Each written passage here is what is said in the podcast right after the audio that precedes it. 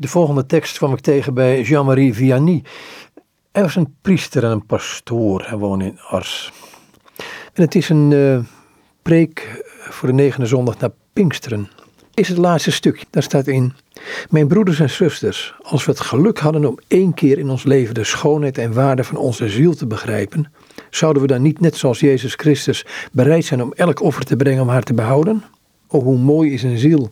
Hoe kostbaar is in de ogen van God zelf. Hoe is het mogelijk dat we er zo weinig aan denken en haar harder behandelen dan de gemeenste dieren? Ik begin bij het begin.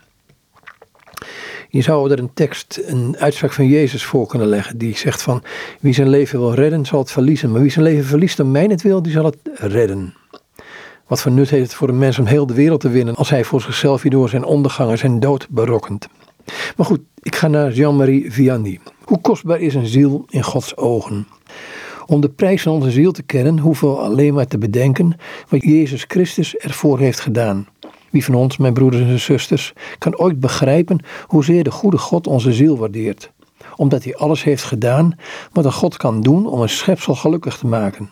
Om hem meer lief te hebben, wilde hij het scheppen naar zijn eigen beeld en gelijkenis, zodat hij door het te aanschouwen zichzelf kan aanschouwen.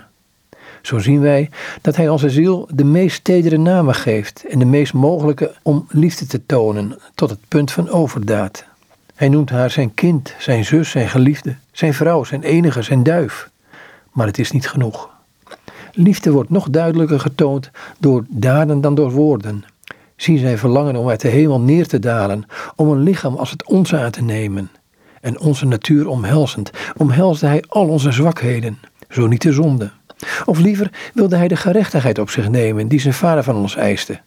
Zie zijn vernietiging in het mysterie van de menswording. Is dat, mijn broeders en zusters, een liefde die in God die liefde is, waardig is? Toont dit, mijn broeders en zusters, ons de achting die hij toekent aan een ziel?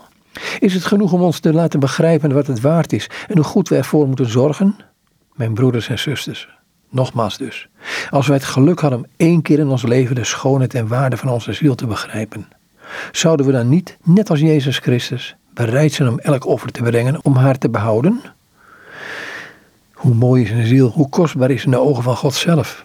Hoe is het mogelijk dat we zo weinig aan denken en haar harder behandelen dan de gemeenste dieren? Anders Jean-Marie Vianney, de heilige pastoor van Ars, om het zo maar te zeggen.